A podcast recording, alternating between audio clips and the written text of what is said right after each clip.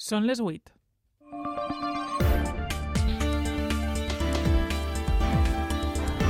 Les notícies de la nit, amb Sara Garcia i Chelo Vicente.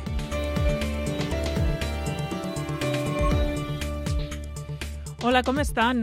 Els tribunals són avui protagonistes. Els tribunals i la política units de nou. I és que, d'una banda, Avui ha començat a la ciutat de la justícia de València l'anomenat cas dels zombis, una peça del cas taula que jutja la presumpta contractació durant els governs del Partit Popular de persones que mai acudien a treballar, tot i que sí que cobraven de l'empresa de la Diputació Imelsa i de l'empresa de la Generalitat Ciexa.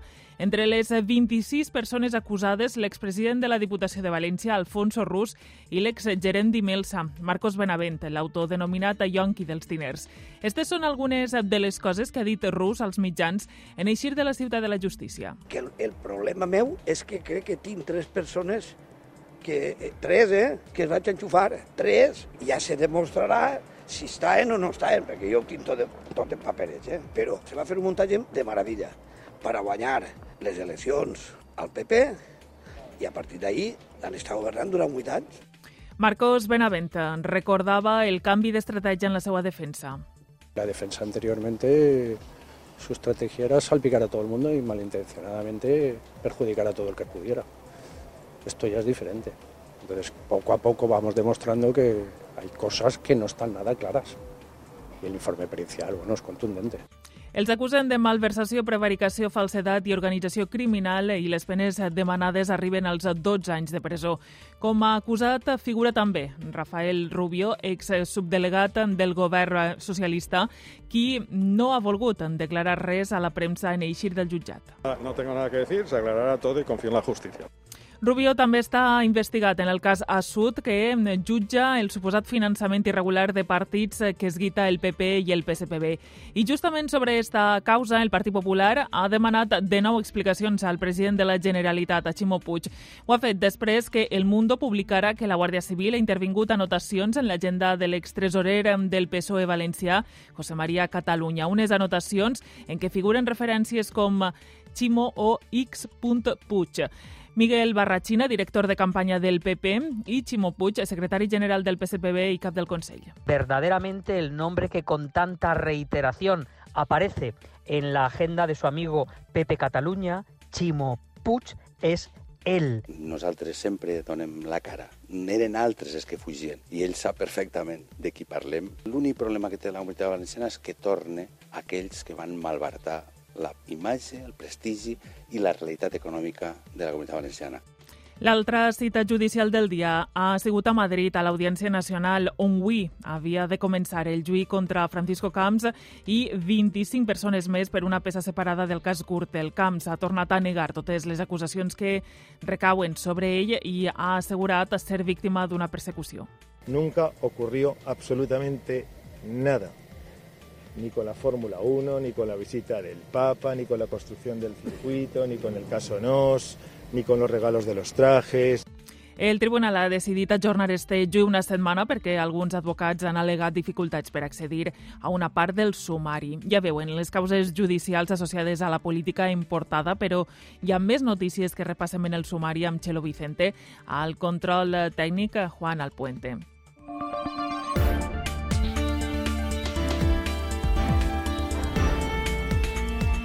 Confirmats dos crims masclistes. L'últim, el que s'ha comès esta matinada a Valladolid. Ha sigut esta matinada quan el presumpte assassí ha avisat el seu cunyat que havia matat la seva parella i la filla d'esta de només 8 anys. L'Observatori contra la Violència Domèstica i de Gènere del Consell General del Poder Judicial s'ha reunit esta vesprada de manera urgent per analitzar l'increment d'assassinats masclistes. El Comitè de Crisi del Ministeri d'Igualtat es reunirà divendres que ve. Damunt de la taula podria estar la proposta de comunicar a les dones els antecedents de violència masclista de les seues parelles, com és el cas de Valladolid. Victoria Rossell és delegada del Govern espanyol contra la violencia de género. Tenía antecedentes, por lo que sabemos, con otra pareja. Ella no había presentado ninguna eh, denuncia y efectivamente en el último comité de crisis eh, hablamos de, esto, de la posibilidad de que ellos subsistieran más tiempo en Biogen, quizás hasta que cancelen antecedentes penales, que eso no tendría ningún problema de presunción de inocencia, pero desde luego está en manos de, la Secretaría de Estado de Seguridad. Visita del govern valencià a la primera gigafactoria europea a Salzgitter, Alemanya. El president Ximo Puig ha visitat esta planta de Volkswagen per a traslladar el model d'actuació a la planta de Sagunt. El president de la Generalitat ha anunciat la compra per 2,3 milions d'euros d'una parcel·la de 16.000 metres quadrats a Parc Sagunt 1 per a la construcció d'un centre professional per a nodrir laboralment la planta valenciana. Alcanzará unas alrededor de unas 400 personas, unos 400 alumnos, que estará vinculado, como les decía, a las familias profesionales que tienen que ver con lo que hemos visto hoy, ¿no? Electricidad, química y también mantenimiento.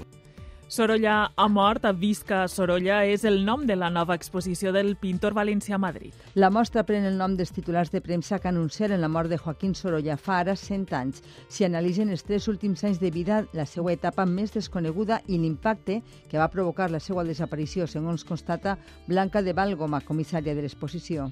Queríamos hacer una muestra que reflejara un poco el impacto que tuvo su muerte en la sociedad y en la cultura de su época. I en els esports queda una hora perquè comença un partit transcendental per al València Club de Futbol. En Gustavo Clemente, bona nit. València-Almeria, i encara que fa mal dir-ho, l'equip andalús és un rival directe del València a hores d'ara. El València 13 té un punt més que l'Almeria i dos sobre els llocs de descens a segona divisió.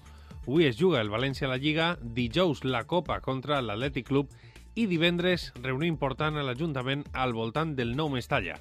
La vicealcaldessa Sandra Gómez deixa entreveure cert optimisme entre les parts, però també envia un missatge contundent al València. Ha de concloure l'estadi.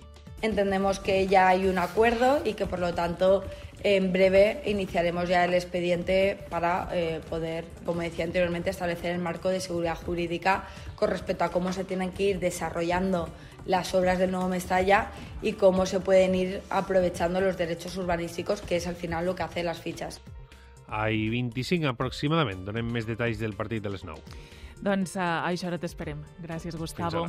Moment de parlar de la situació meteorològica. Com diagnosticàrem la setmana passada, ha arribat el fred.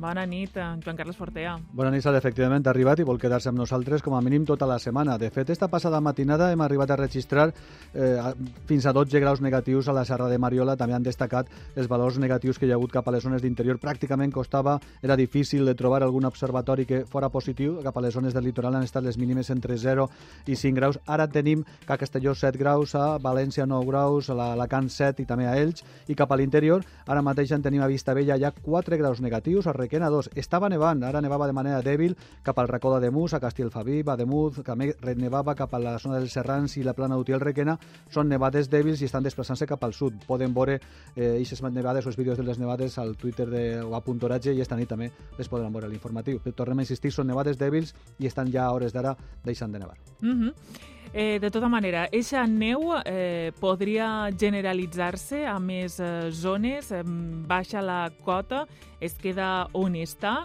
i finalment eh, doncs no hi haurà precipitacions que puguen fer collar eh, eixa, eixa, bueno, sí, eixa, eixa neu, eixa mantell. En principi el que esperem és que puga, puga nevar entre demà i després demà. De fet, demà és un dia en general dominat pels núvols, veurem poc el sol, encara tindrem gelades, esta pròxima nit i matinada serà com l'anterior o fins i tot més freda cap al nord de Castelló. De nou tornem a trobar valors negatius inferiors als 5 graus cap a les zones d'interior, 5 graus negatius. I cap al litoral les gelades se quedaran molt a prop del litoral, estaran entre 0 i 5 graus. Serà un dia, com hem comentat, nuvolós. Podia caure alguna volva cap a l'interior de Castelló, però coses molt dèbils, i de vesprada, entre la vesprada del dimarts i el dimecres, sí que podria ploure, i per tant nevar en una cota al voltant de 400-500 metres, principalment ara la zona de més probabilitat serien les comarques interior de la Safor, interior de la Marina Alta, la Vall del Baida, Comtat, Alcoyà, en aquesta part, sud de la Ribera Alta, ahir podíem tindre precipitació i neu. Tornem a insistir, poca neu en quantitat, però seria destacable perquè podria aparèixer en una cota entre 400 i 500 metres. Atenció també al temporal de mar que tindrem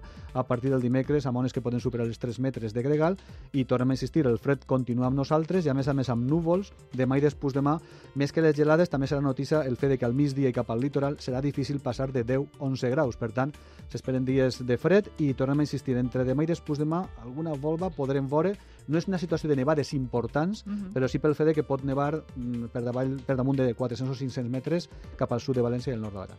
enfarinada, ho deixem ahí. Sí, però bé, en la zona en la que aparega un centímetre pot congelar-se i per tant provocar algun problema en alguna carretera secundària i cal estar atents. Doncs moltíssimes gràcies i ens abrigarem, clar que sí. Molt bé, fins ara. Adéu. Pedro Sánchez. Les notícies del matí. Les notícies del migdia. Les notícies de la nit. En la ràdio de Punt et contem tot el que passa i tot el que t'importa. Amb rigor, amb immediatesa, amb pluralisme. A les reaccions. Totes les veus, tots els accents, tota l'actualitat. Este dilluns, en Des de la Banda, des de les 8 i mitja de la vesprada, al Mestalla, en directe, València-Almeria.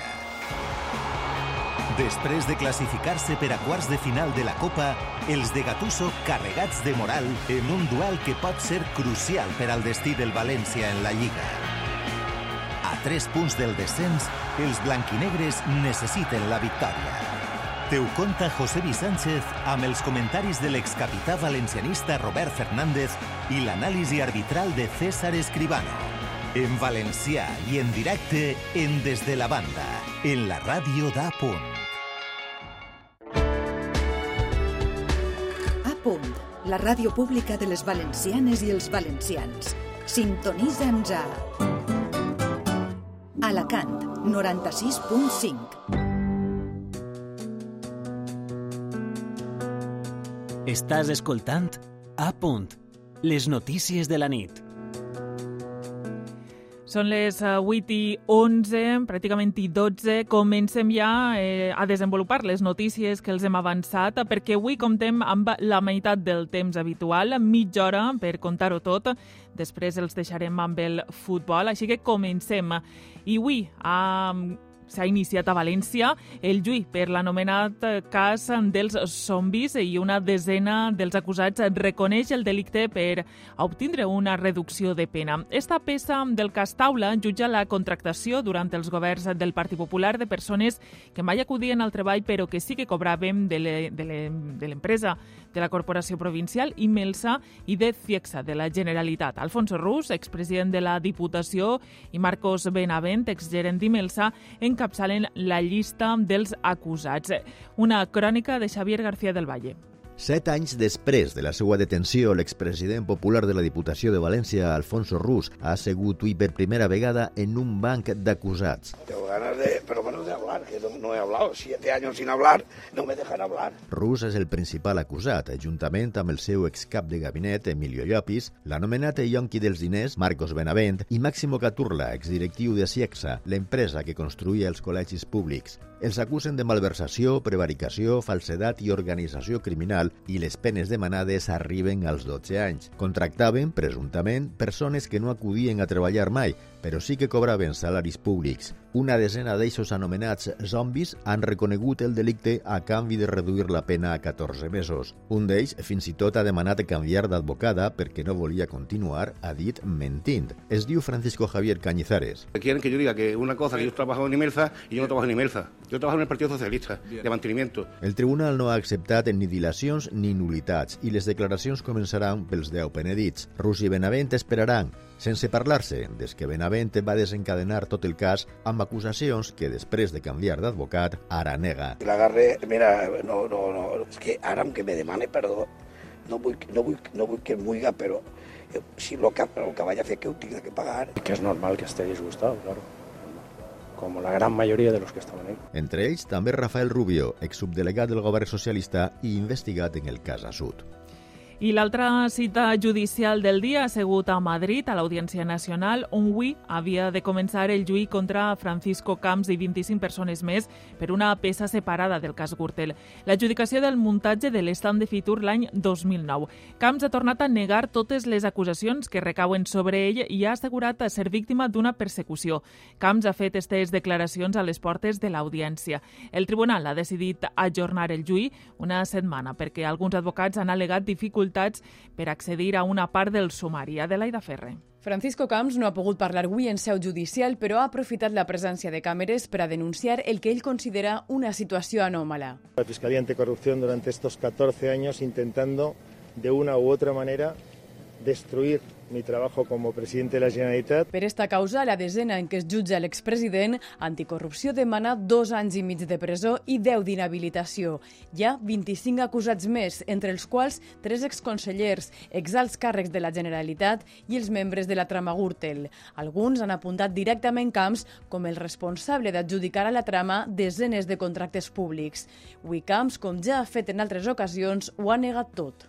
Nunca ocurrió absolutamente nada, ni con la Fórmula 1, ni con la visita del Papa, ni con la construcción del circuito, ni con el caso Nos, ni con los regalos de los trajes. L'expresident argumenta que hi ha una persecució contra ell orquestrada per jutges, investigadors i el PSPB. Chimo Puig es presidente de la Generalitat porque me persiguió de manera absolutamente eh, histérica y fanática y brutal. Este matí el tribunal ha decidit endarrerir l'inici del juí a la setmana que ve, després que alguns advocats hagin alegat dificultats tècniques per a accedir a part del sumari. I el Partit Popular ha demanat de nou explicacions al president de la Generalitat, Ximo Puig, pel cas Assut. Avui el diari El Mundo ha publicat que el nom de Ximo Puig apareix en l'agenda de l'exresponsable de finances del PSPB, José María Catalunya, investigat en este cas per presumptes pagaments irregulars en campanyes electorals. Miguel Barrachina, portaveu adjunt del PP a les Corts. Es que todo el mundo habla de Chimo y habla de Puig y él, para no hablar hoy con su séquito, se ha marchado a Alemania. Por tanto, le pedimos que regrese que dé la cara y que dé las mismas explicaciones, no más, que pedía cuando él mismo era un adalid de la transparencia en la comunidad valenciana. Per la seva part, el president contesta que són xafarderies i que Astut és un cas que afecta sobretot el PP, Ximo Puig. No vaig a fer cas de xafarderies de, de persones que a la fi l'únic que tenen és un projecte destructiu, que no aporten res. Nosaltres sempre donem la cara. Eren altres els que fugien i ell sap perfectament de qui parlem. Escoltes a punt. Les notícies de la nit. Amb Sara Garcia i Chelo Vicente. L'Observatori contra la Violència Domèstica i de Gènere del Consell General del Poder Judicial s'ha reunit esta vesprada per a analitzar l'increment d'assassinats masclistes i estudiar propostes per a millorar tant la coordinació entre institucions com la protecció a les víctimes. L'especialització dels jutjats penals i la descentralització de competències dels jutjats de violència contra les dones són algunes de les mesures que l'Observatori ha proposat. També ha assenyalat la importància que la Fiscalia i les forces i cossos de seguretat proposen l'ús de dispositius electrònics en tots els casos d'especial rellevància. Així mateix s'aposta per impulsar la creació d'unitats de valoració forense integral a tot l'Estat i la posada en marxa d'un protocol de valoració forense urgent en tots els partits judicials. Per últim, han destacat la importància de perfeccionar el sistema de valoració de risc en els casos d'agressors persistents, una fórmula que estudia el Ministeri de l'Interior sense que això suposi vulnerar les lleis de protecció de dades. La reunió estava prevista per al mes de febrer, però davant de la situació de les últimes setmanes s'ha decidit avançar-la perquè totes les institucions que l'integren puguen fer propostes.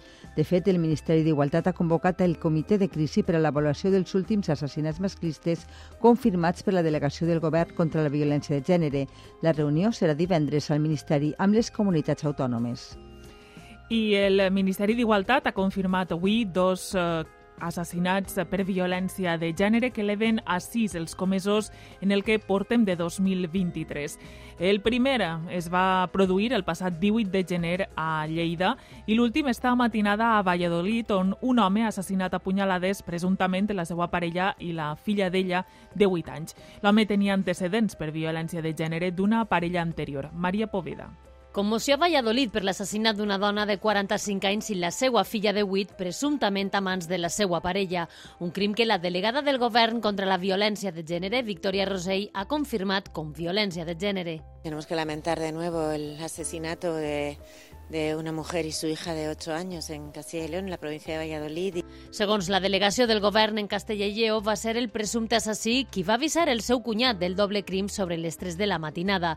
La Policia Nacional va acudir al domicili d'ella i va trobar els dos cossos apunyalats i a l'home amb ferides d'arma blanca. L'autor dels fets està detingut a l'Hospital Clínic de Valladolid, on va ser traslladat i es troba hospitalitzat per les ferides que ell mateixa s'hauria provocat.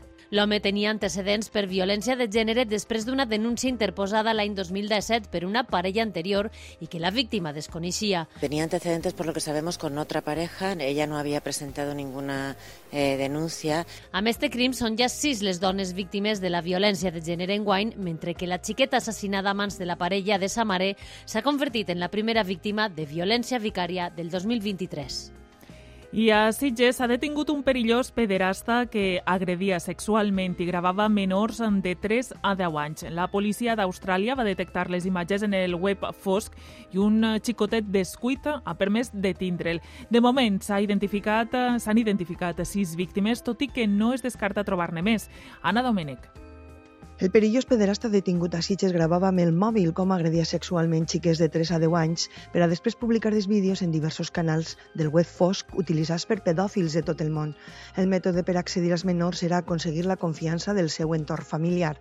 Javier Izquierdo, inspector de Policía Nacional y cap del Grupo de Protecció al Menor. Conseguía convivir con ellos mediante eh, alquilar una habitación en el domicilio de los padres de las víctimas o simplemente por amistad le dejaban quedarse en el domicilio. La detenció ha sigut possible gràcies a la col·laboració internacional després que la policia d'Austràlia detectara les imatges i establira que podria ser Espanya on tenien lloc les agressions als menors. Però tot i que el pederasta prenia moltes precaucions, tant en la gravació com en la publicació dels continguts, un xicotet descuit el va delatar.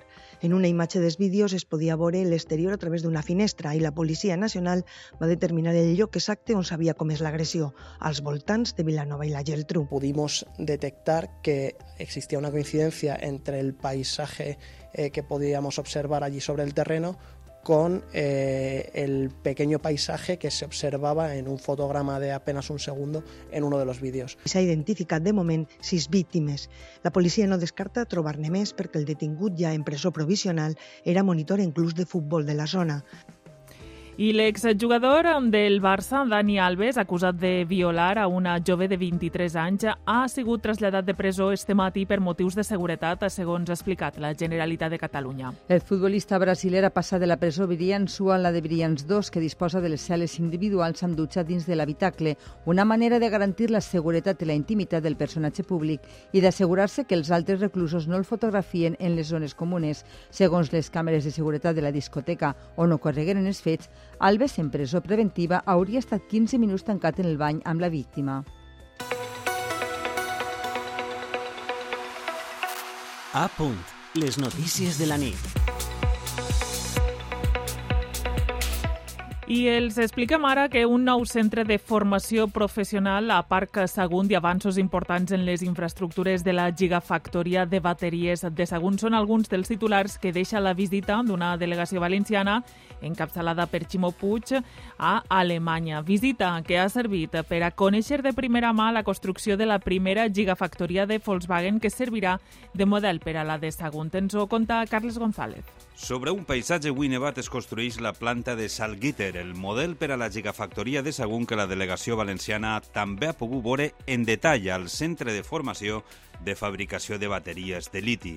Allí és on Puig ha anunciat la compra per 2,3 milions d'euros d'una parcel·la de 16.000 metres quadrats a Parc Sagunt 1 per a construir un centre professional per a nodrir la planta valenciana, es dirà Campus Battery. Alcanzará unas alrededor de unas 400 personas, unos 400 alumnos, que estará vinculado, como les decía, a las familias profesionales que tienen que ver con lo que hemos visto hoy, ¿no?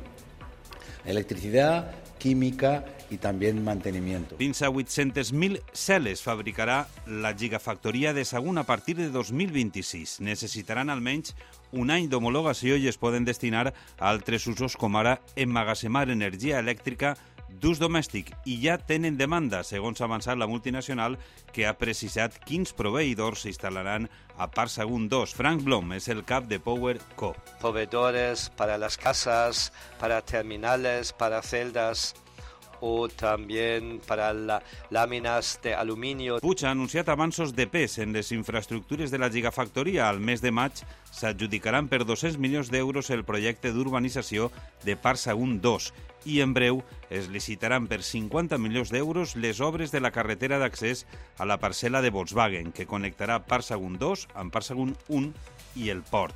Sobretot el procés administratiu d'autorització han rebut informació de primera mà de l'alcalde de Salzgitter, una ciutat de poc més de 100.000 habitants. És l'espill on mirar-se per a Sagunt. Les dues ciutats es donen la mà unides per un futur construït sobre el cor de les bateries.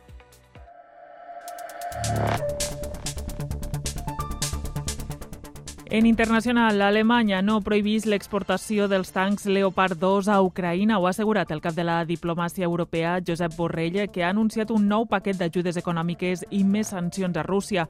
Polònia ha afirmat que enviarà els carros de combat amb una coalició de països davant la reticència d'Alemanya. El cap de govern de Polònia ha demanat permís a Berlín per a reexportar els tancs Leopard a Ucraïna. Wstąpimy o taką zgodę, ale to jest temat. Però no el necessitem. De fet, ha anunciat que els enviarà amb una coalició de països on ja compten els països bàltics i Finlàndia. Alemanya manté silenci davant una opinió pública dividida exactament per la meitat. De moment sí que ha començat el desplegament dels sistemes de defensa aèria Patriot. L'alt representant per als assumptes exteriors de la Unió Europea, Josep Borrell, ha assegurat que l'Allemagne ne bloque pas que d'autres pays qui veulent faire puissent... Euh... Que Alemanya no prohibís a cap país l'enviament dels tancs Leopard. El cap de la diplomàcia russa, Sergei Lavrov, avisa que la guerra híbrida amb Occident Она уже почти не гибридная, а почти настоящая. és ja una guerra real que Brussel·les i Washington han estat tramant durant molt de temps contra Rússia. Ens ho ha contat Rafa Salom. I ara entrem en cultural. Museu Sorolla de Madrid ret homenatge al pintor valencià en el centenari de la seva mort amb l'exposició Sorolla ha mort, visca Sorolla, una mostra que traça el recorregut vital del pintor a través dels últims anys de la seva vida. Una crònica de Zaida Ruiz. La mostra pren el seu nom d'un dels articles que es van publicar després de la mort del pintor i analitza els seus tres últims anys de vida, la seva etapa més desconeguda. Blanca de la Válgoma es una de las comisarias de la exposición. Queríamos hacer una muestra que reflejara un poco el impacto que tuvo su muerte en la sociedad y en la cultura de su época. Fotografía antiga, correspondencia o noticias de prensa de l'època testifiquen l'enorme repercussió que va tindre la mort del pintor valencià. Hemos recopilado un montón de documentación que, muestra tanto fotos de, él, de su capilla ardiente, de todo el, cortejo fúnebre que se organizó desde Cercedilla, donde murió, pasando por Madrid hasta Valencia. Junt amb esta selecció documental quasi inèdita, destaca el retrat inacabat de Mabel Ric, la dona de Ramon Pérez de Ayala, l'últim quadre que va pintar Sorolla. En su conta Blanca de la Válgoma. Se desplomó, víctima de un derrame cerebral, y ya no pudo volver a pintar. Intentó dar un par de pinceladas más y tiró el pincel y ya nunca más pintó. La mostra podrà visitar-se al Museu Sorolla de Madrid del 24 de gener al 25 de juny.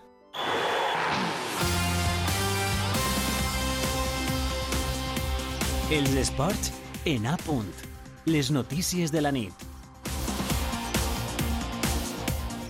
En els esports, coneixem ja l'alineació inicial del València. Gustavo Clemente, hola de nou. Hola de nou. El València votarà al terreny de Mestalla amb Amardasvili en porteria, Paulista i Schenk en el centre de la defensa, Gallà i Fulquier pels laterals, Musa, Almeida i Lato en el mig del camp, Dalt, Kluivert, Lino i Cavani, tot per enfrontar-se a l'Almeria a partir de les 9 de la nit. De seguida els companys de, des de la banda donen més detalls. El pròxim rival serà l'Atlètic Club, dijous a Mestalla.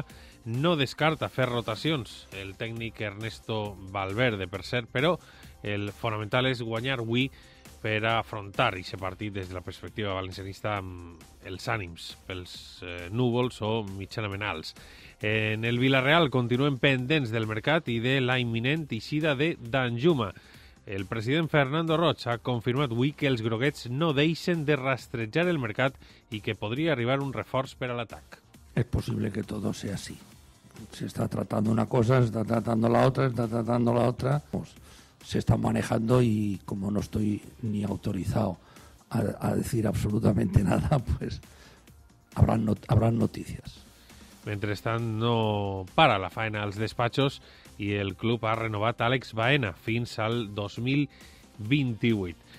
Com dèiem, tota l'atenció posada en el partit transcendental València-Almeria i nosaltres eh, tornarem en línia de fons per analitzar el postpartit i la tertúlia posterior. En línia de fons, com sempre, fins la una de la nit. Com sempre, t'escoltarem. Moltíssimes gràcies. Posem punt final així a les notícies de la nit.